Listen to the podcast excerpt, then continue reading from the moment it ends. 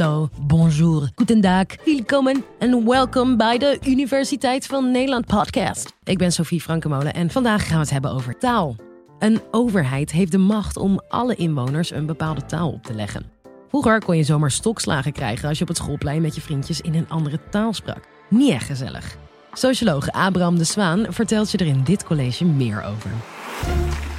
Dit is de Universiteit van Nederland. Talen verbreiden zich over de wereld met een klap voor je oren, met een klap van de liniaal of op de punt van de bajonet. Dat is de harde ondergrond van de verbreiding van talen. Binnenlands met straf en buitenslands te vuur en te zwaard. Laten we eerst eens kijken hoe talen zich binnenlands verbreiden. Dat gebeurt meestal doordat een centrale macht, een overheid, een staat, de mogelijkheid heeft om die taal aan een bevolking op te leggen.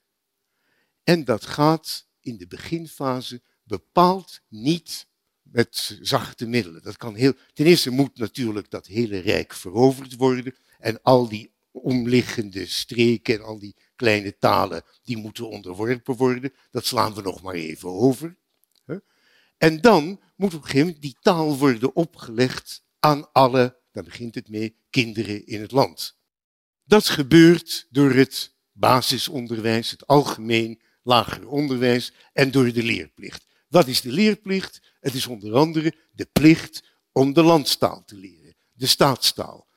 En je kunt eigenlijk geen autobiografie lezen van iemand die zo opgroeide in de eerste decennia van de vorige eeuw.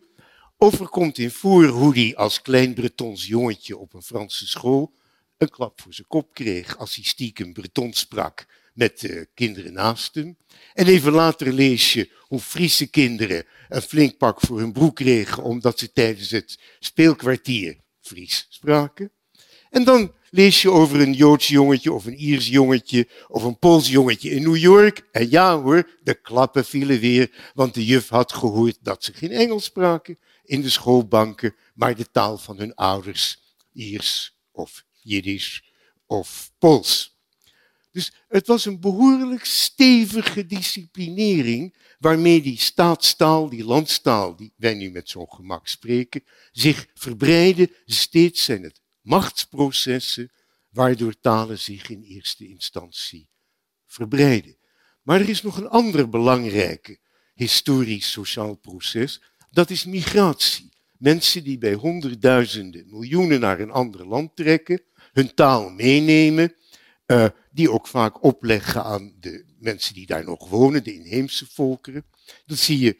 En dan komt er een, een golf van migratie daarna van mensen die bijvoorbeeld Spaans spreken, of in uh, Argentinië een golf van mensen die Italiaans spreken. En dan kan het er soms om spannen wie zijn taal gaat domineren, maar zet je geld in op de taal van de staat, die immers beschikt over alle machtsmiddelen maar door al deze processen heen speelt nog een ander hoogst merkwaardig proces.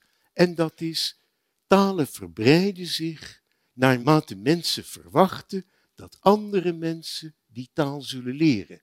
En dan gaan zij hem ook leren. Dit is eigenlijk misschien wel de hoofdwet uit de sociale wetenschap. En die luidt, als mensen verwachten dat er iets gebeurt, dan heeft dat gevolgen voor wat er echt gebeurt. Dat staat bekend als het Thomas-theorema. En kijk maar, als mensen denken dat andere mensen denken dat een taal zich zal uitbreiden, dan zullen zij die taal leren en daarmee wordt het waar. Nou is het rare dat wanneer je met iemand een taart deelt en hij neemt een groter stuk, krijg jij een kleiner stuk. Maar wanneer je met iemand een taal zou delen, dan krijgt hij niet de bijvoeglijke naamwoorden en jij de zelfstandige naamwoorden. Dat zou een mooie boel zijn. Nee, het is gewoon zo dat ook al hebben, gaan nog meer mensen die taal spreken, die oorspronkelijke sprekers hebben daardoor niet minder. Het gaat eigenlijk nog verder. Ik heb al gezegd, je kunt mensen niet verbieden een taal te gebruiken. Maar een taal heeft nog een andere eigenschap. Hij lijkt een beetje op een standaard. Bijvoorbeeld een computerprogramma. Hoe meer mensen dat gebruiken, hoe meer nut de gebruikers ervan hebben. Neem een, een, een programma als Microsoft. Het is niet zo dat het nou zo'n verschrikkelijk goed programma is dat het praktisch over de hele wereld gebruikt wordt, maar dat mensen terecht over de hele wereld denken dat over de hele wereld Microsoft Office wordt gebruikt. Dus wil jij dat ook, want dan wil jij je teksten aan iedereen kunnen doorsturen. Je weet zeker dat het programma niet volgend jaar verdwijnt. Er zijn allerlei redenen om een standaard die algemeen aanvaard is, te aanvaarden. En bij Microsoft is dat natuurlijk op een ongelofelijke manier gelukt. Zelfs de concurrenten hebben hun systeem, bijvoorbeeld Apple, opengesteld voor dat Microsoft Office. En hun eigen tekstbewerkingsprogramma, dat zit er wel op, maar ik ken niemand die dat ooit gebruikt, dat was het gratis aanbieden. De standaarden hebben de neiging om een soort stormloop uit te lokken. En standaarden die het gaan verliezen, bijvoorbeeld neem een standaard, je had Hives, dat was een sociaal mediaprogramma. Op een gegeven moment verspreidt zich de mare dat dat niet meer zoveel gebruikt wordt en dan gaan mensen het dus opgeven. Het werkt twee kanten op. En Facebook zegt, nou, Facebook dat gebruikt iedereen, dat moet ik ook gebruiken. Dat is niet alleen maar kudde-mentaliteit, het is heel rationeel. Hoe meer mensen zoiets gebruiken, hoe nuttiger het voor iedereen is. Dat geldt ook voor talen, met één verschil. Voor talen wordt geen prijs gevraagd. Niemand verkoopt het Engels. Wat verkocht wordt, worden cursussen om het te leren. Maar als je het eenmaal kunt spreken, dan kan iedereen die dat wil die taal gebruiken. En daarom, en dat komt ook voor, krijg je een soort stormloop op het Engels. Of bijvoorbeeld een vlucht uit het Frans. Heel treurig. Tenminste voor iemand die zijn hart aan het Frans verpand heeft. Maar nog in 1960 dachten echte experts dat Frans de taal van Europa zou worden. De andere talen waren Italiaans, Nederlands en Duits. Dus die kans was groot, maar amper was Engeland toegetreden tot de Europese Unie. Of in de wandelgangen begonnen ze al Engels te spreken. De Duitsers hadden zich al die tijd heel stil gehouden. Het was niet de tijd voor Duitsers om een grote mond op te zetten. En die hadden die Fransen het laten overnemen.